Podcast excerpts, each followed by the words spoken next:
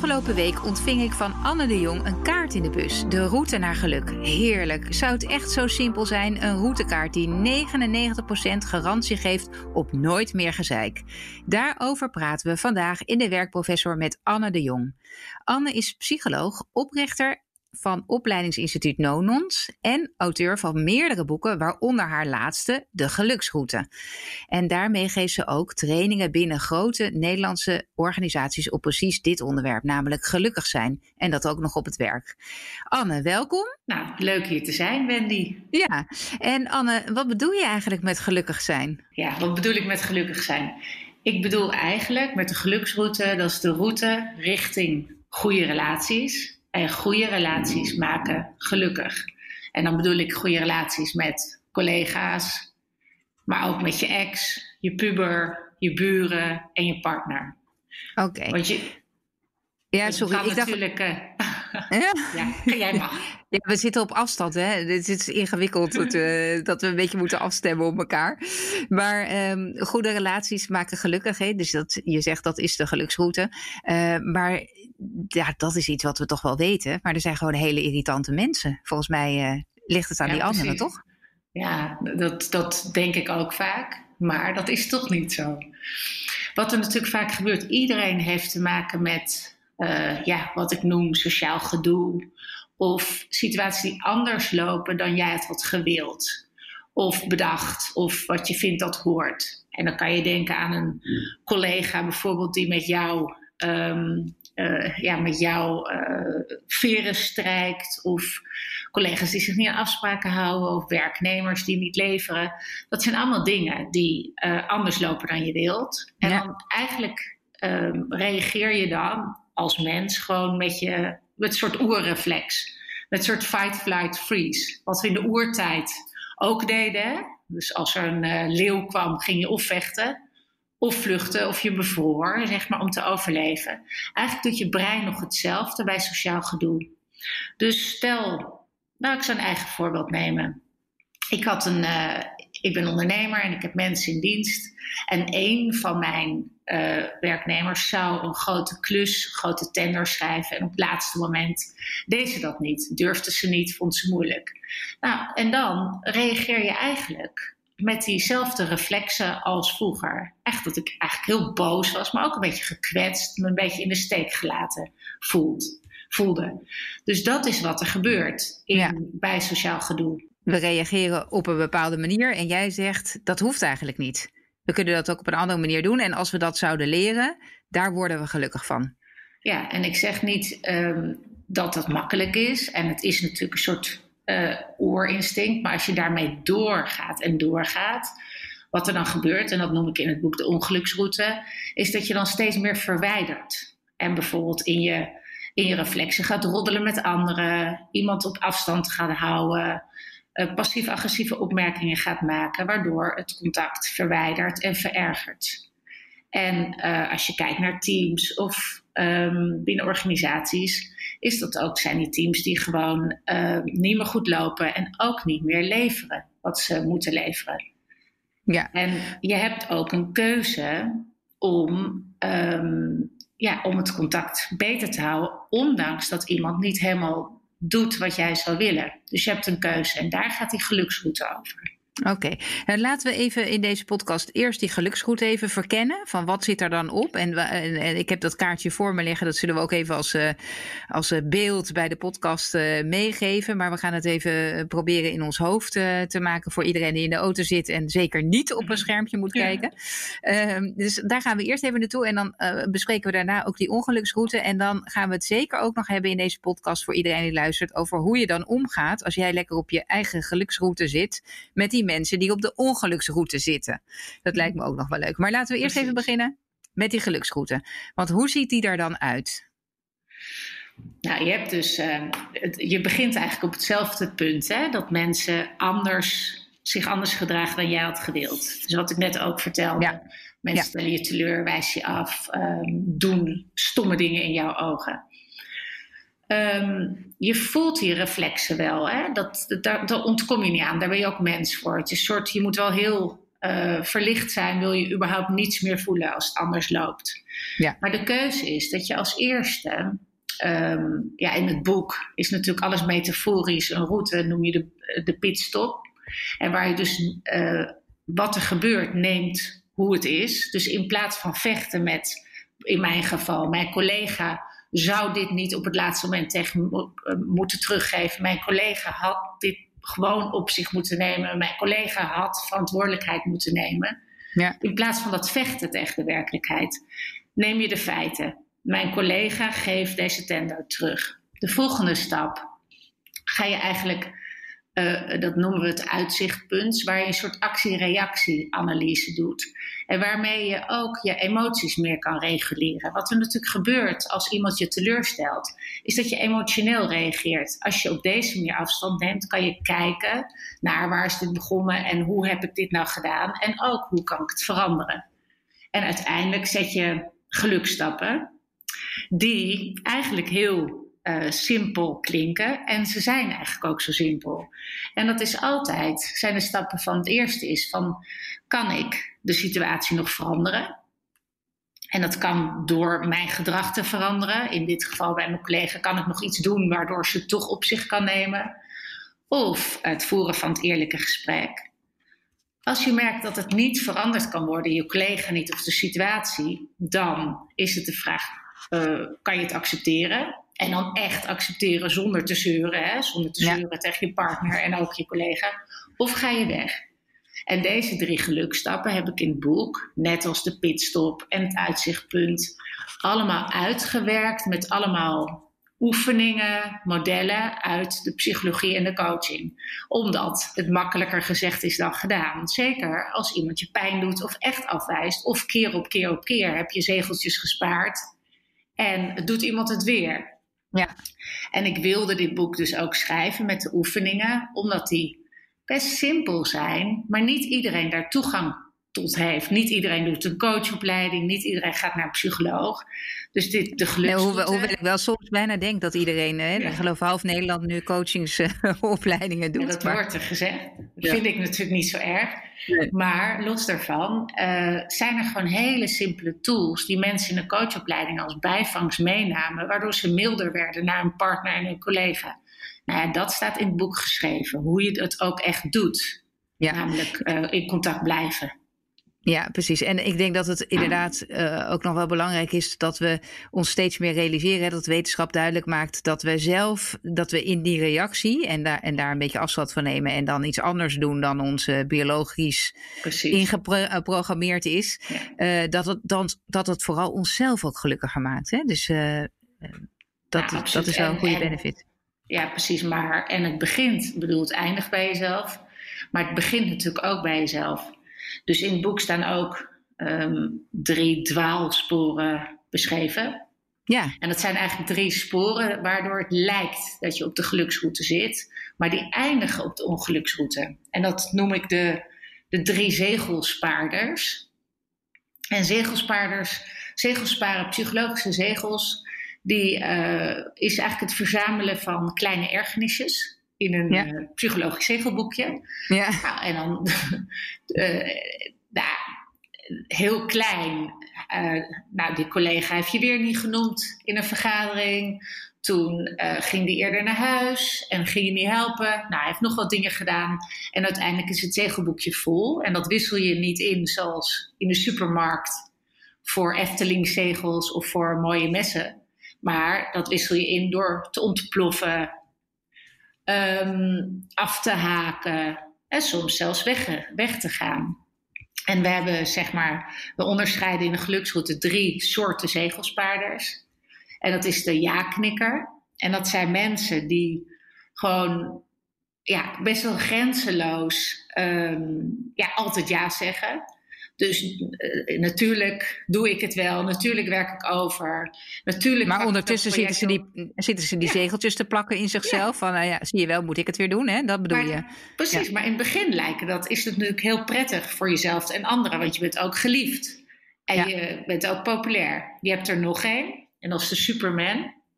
Dat is degene die alle verantwoordelijkheid afpakt bij anderen die maar een beetje zielig zijn of het moeilijk hebben of klagen. Dat voelt ook in het begin heel lekker, hè? want dan help je de ander, de ander wordt geholpen.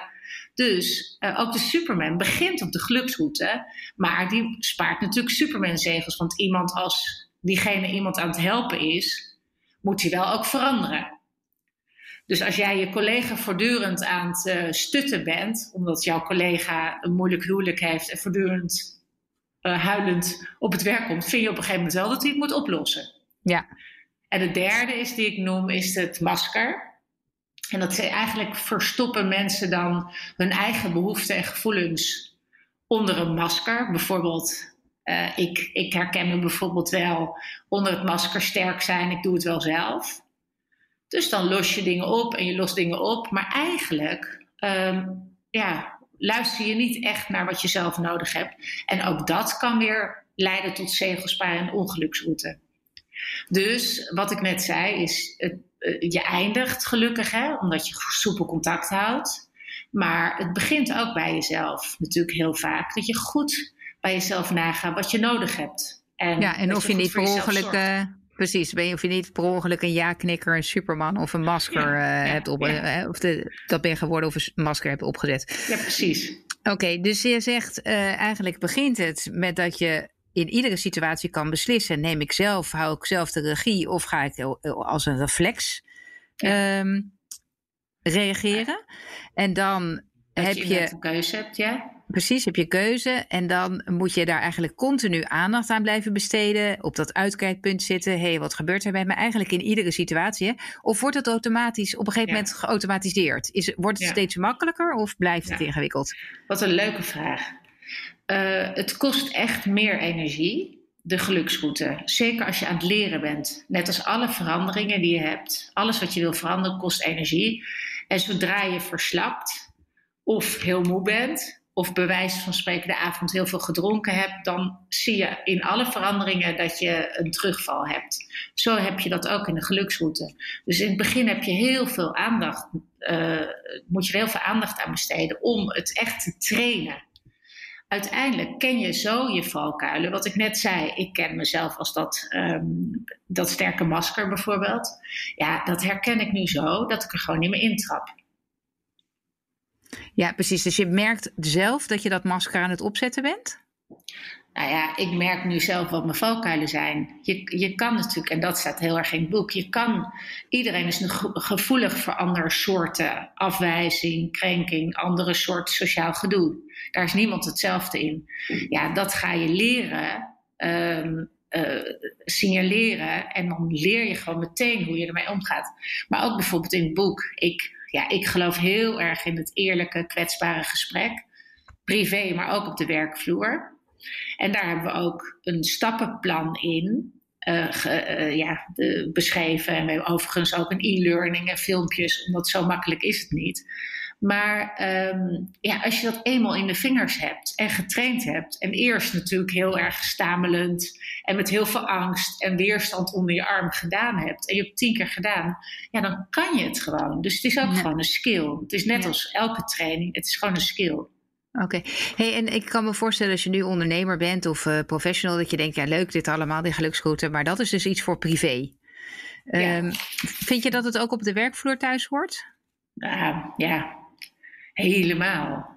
Omdat je natuurlijk op de werkvloer, als je kijkt naar wat een gedoe soms in teams is. Um, ja, wij geven dus ook heel veel teamcoaching met de geluksroute. Waar natuurlijk de teams eerst gaan kijken naar hun eigen fight, flight, freeze. Maar ook echt leren altijd onderling de geluksroute te gaan behandelen. Dus wij hebben nu een klant bijvoorbeeld. Die hebben overal de geluksroute hangen. En die uh, spreken elkaar erop aan. Van welke, welke kies je nu, Jan? Ga je naar beneden of ga je naar boven? Ga je roddelen? Dat is ongeluksroute. Of pak je gewoon die stappen? Dat is geluksroute. Dus ja, dus uh, voor... kan je een, een, een, leuk voorbeeld geven van een team waar je in hebt gezeten of waarmee je hebt gewerkt, waar, waar roddel en, uh, en uh, waarvan je denkt van ja, die zitten echt met elkaar op de ongeluksroute. En, en wat je dan zag en hoe je dan hun hebt geholpen of, of wat zij dan moeten doen om daar weer uit te komen? Nou, wij begeleiden nu best wel veel teams die door, in, binnen een bepaalde organisatie, die door corona natuurlijk allemaal ehm, eh, op afstand werken. Ja. En afstand werken maakt natuurlijk nog ingewikkelder. Want door minder contact met elkaar te hebben, heb je vaak toename van wantrouwen. Want je weet niet wat iemand doet. Je ziet iemand niet meer bij het koffieapparaat. dus je hoort ook niet meer wat er privé aan de hand is. Je hebt geen klets meer. Dus je reageert nog meer op elkaars, uh, wat je ziet, hè, op elkaars gedrag. En nog minder op wat de intentie of de gevoelens daaronder. Dus wij begeleiden nu veel teams hierin. En wat we dan doen is, nou ja, wat ik net een beetje zei. Dus in gesprek raken van wat zijn jouw, um, wanneer is het voor jou gedoe en hoe zien jouw reflexen eruit?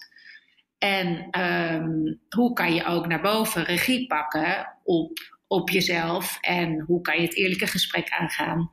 Dus dat is wat we ook met teams doen. En, en, wat ehm, zou je dan zeggen tegen die ondernemer die denkt: ja, jongens, allemaal mooi en aardig, maar uh, laten die mensen gewoon even hun eigen gezeik en hoe ze uh, automatisch reageren zelf oplossen en bij mij gewoon hun werk komen doen? Ja, en het probleem is, ik, ja, ik, ik, ik heb natuurlijk ook mensen onder me. Zo werkt het natuurlijk niet. Dat wil je als ondernemer natuurlijk. Je wil gewoon, hou je gezeur thuis en werk hier gewoon. Alleen gedoe in de samenwerking kost gewoon heel veel uh, productiviteit. Roddelen op de werkvloer kost gewoon heel veel tijd. En mensen, gelukkige werknemers, ja, net zoals gelukkige eh, mensen thuis, presteren gewoon beter. Ja, er wordt ook wel in internationaal verband van, uh, soms naar ons gekeken dat wij dat hier in Nederland wel een beetje extreem maken. Hè? Dat is dat er geen, uh, geen Amerikaanse vergadering is, bij wijze van spreken, waar uh, mensen zo bezig zijn met: oké, hoe is het met jou? En allemaal maar aandacht. En hoe meer aandacht je die mensen gaat geven, hoe meer ze ook gaan zeuren, want het is nooit goed genoeg. Ja, Wat vind je daarvan? Voor, nou, voor mij gaat het, ja, voor mij gaat het niet per se om aandacht. Want ik, ik als um, de eigenaar van Nonons, maar ook als ik trainingen geef. Ik spreek juist mensen aan op uh, reactiviteit, op slachtoffergedrag, op roddelen, op juist dat gezeur, zeg maar. Dus wat mij betreft gaat het niet om aandacht. Het gaat om dat mensen, jouw mensen binnen de organisatie leren regie te nemen. Uh, als, een, als een collega of een leidinggevende ze bijvoorbeeld te weinig aandacht geeft, of dingen van ze afpakt, of dingen te laat uh, levert.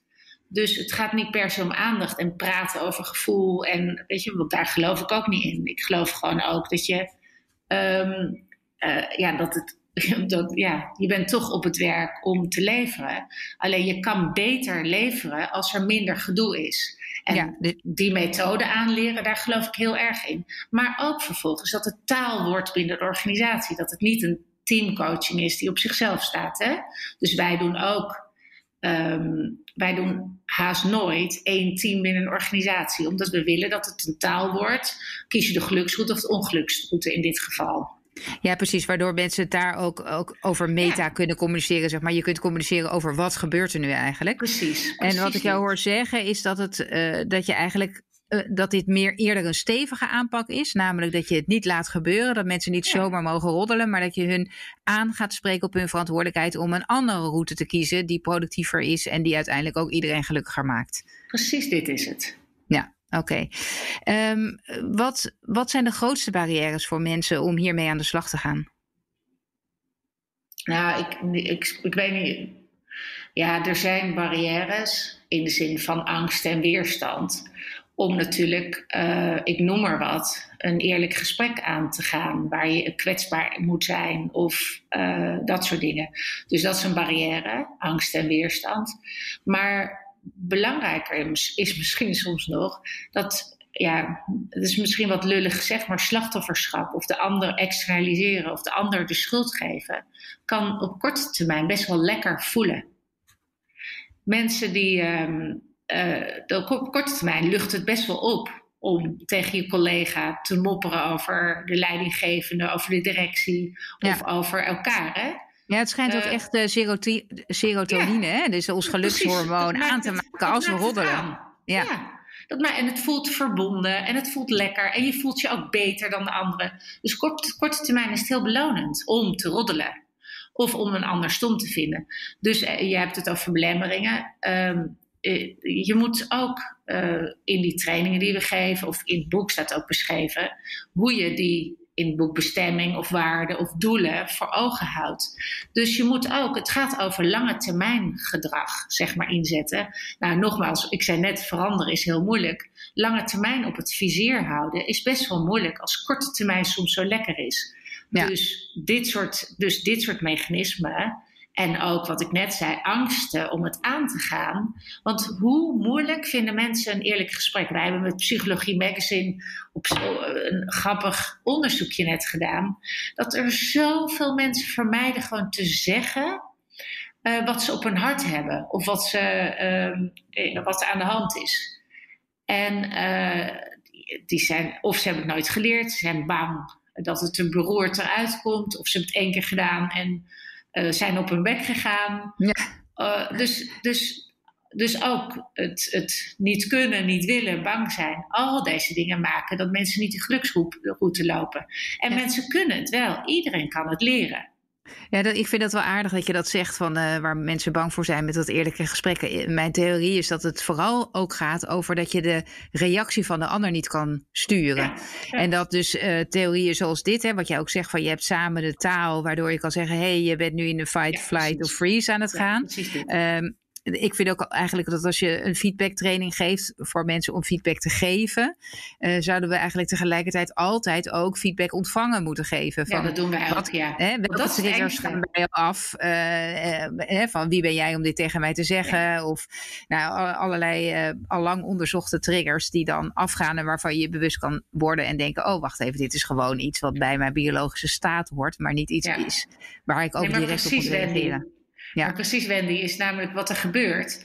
Dan heb je helemaal je voorbereid op dat spannende feedbackgesprek of dat eerlijke gesprek of hoe je het. En dan doe je het en dan reageert iemand lomp. Nou, wat er dan gebeurt, dan duwt de andere je meteen weer die ongeluksroute op in die reflexen. En dan denk je, nou laat maar. En dan vervolgens ga je weer roddelen en dan zit je er weer. Dus ook in onze trainingen zit eigenlijk accent juist op wat doe je daarna. Ja, uh, ja precies. En, en, ik zie dat ook wel meer uh, gebeuren, dat mensen ook een script afspreken. Ik maak er ook wel schapjes over van, we moeten eigenlijk een robot hebben. Daar heb ik ook een keer een, een, een blogje over geschreven. We ja. moeten eigenlijk een robot hebben die, die jou vertelt hoe je dan moet reageren. Ja. en, en ook het is niet zo moeilijk. Ja. Nee, ja. ja. het, op zich is het niet moeilijk, maar we zijn, het, het, is jammer dat we het niet op school aangeleerd krijgen. Net zoals Nederlands, hè? Ja. Um, Heel dat, jammer. Dat zou misschien. Uh... Maar, ook, maar ook het eerlijk gesprek. Uh, met de, de, de, de kwetsbaarheid of de eerlijkheid die erin zit. Eigenlijk kan je met iedereen altijd het gesprek voeren. Uh, als je maar weet hoe en hoe je het op moet vangen. Hè? Dus, maar goed, dat moet inderdaad op scholen eigenlijk al in zitten. Ja, stel dat je er nou helemaal niet mee bezig bent. Hè? We gaan een beetje naar het afronden van uh, deze podcast. Stel dat je er niet mee bezig bent geweest en je hoort dit zo aan. Dan, dan een complimenten voor iedereen die dan nu nog luisteren. Die dan denken, oh ja, dit is nieuw voor mij. Wat mhm. zou je die mensen aanraden om als eerste stap morgen te doen? Naast natuurlijk dat ze je boeken moeten lezen en uh, misschien erover googelen. Uh, maar wat, wat kan je doen? Het, het eerste hè, wat je kan doen. Ja ja, het eerste is echt um, bekijken in met welke mensen, en dat kan collega's zijn, maar het kan ook je partner zijn, hè? dat kan ook je zus zijn straks met kerst. Met welke mensen soms je reflexen in de weg zitten. Dus dat je dat weet. En dan met reflexen bedoel je dat je voelt. Ja, precies. Van ik ga me, als diegene wat zegt, dan ga ik meteen uh, vechten. Precies. Of ik, en waar of ik zeg helemaal niks zegeltjes, meer. Ja, en waar je een beetje zegeltjes bij hebt gespaard. Psychologische ja. ergernissen. En dan de geluksroute lopen. Eén keer eens kijken hoe is het om eerst uh, te stoppen met vechten, vervolgens die analyse te doen en dan te kiezen voor één gelukstap. Nou, die uitdaging zou ik ze wel willen geven. Oh nee, laten we even het kerstdiner pakken. Dus ik, uh, ik heb het, uh, het kerstdiner. Nou, dat mogen we nu niet meer met veel mensen. Dus alle mensen die je kan vragen om te komen bij je om je af te leiden, die zijn er niet. Dus je nee. zit nou ja, of juist de, de, de bron zit er, hè? dat kan ook. Ja, nee, nee, dat bedoel ik. Dus juist, kijk, normaliter kan je oh. dan zeggen, nou, ik nodig nog even mijn neven en nichten uit, die zijn wel gezellig en dan zit ik met oh, diegene. Ja, ja, ja, nu zit je dus aan tafel met diegene waarvan je denkt, nee, niet weer met mijn moeder aan de kerst dis. Ja. Bewijzen van, hè? Dus, dat, uh, dus dat weten, laten we dat even als metafoor nemen. En dan, uh, ik weet nu al dat ik, uh, dat ik binnen nou, een half uur super geïrriteerd daaraan raak. Dit is trouwens niet mijn, mijn privé voorbeeld, nee, voordat mijn moeder meeluistert. Mam, ik hou van jou. Maar stel je voor, ik zou dat wel hebben. Ik weet, binnen een half uur zit ik met haar gewoon dat ik denk, nou, weet je, hoe lang moeten we hier nog zitten? Wat is jouw tip? Ja, grappig. Mag, ik zou één hele korte, wat er natuurlijk met kerst speelt, dat noem ik in mijn boek Vier Sterrenrelaties. En het zijn de relaties waar natuurlijk en uh, heel veel moois is, maar ook heel vaak, als je het over zegels hebt, veel zegels. En dan is ook nog oud gedrag, van vroeger en nieuw gedrag loopt door elkaar. Vaak ben je ook veel uren bij elkaar en is er wat alcohol bij, wat ook al uh, het, het, het, het de frontaalkwap een beetje lam legt. Hè? Dat is allemaal risico om uh, van heel leuk tot discussie tot ruzie te gaan. Hè? En wat ik altijd uh, zou aanraden, ik heb er toevallig net een blogje over geschreven, is uh, voorafgaand als je gaat uh, je empathieschuifje oefening te doen, open te zetten en even in de schoenen van de anderen te stappen. Dus een empathie is, ik ga in de schoenen van de ander staan. Nou ja, de, ik beschrijf daar een aantal oefeningen in. Maar het empathieschrijfje is soort, uh, zijn soort communicerende vaten met oordelen. Hè? Hoe meer oordelen, hoe minder empathie. Ja. En uh, hoe meer empathie, hoe minder oordelen. En uh, oordelen brengen je linea recta op de ongeluksroute. Nou, daar wordt kerst niet leuker van.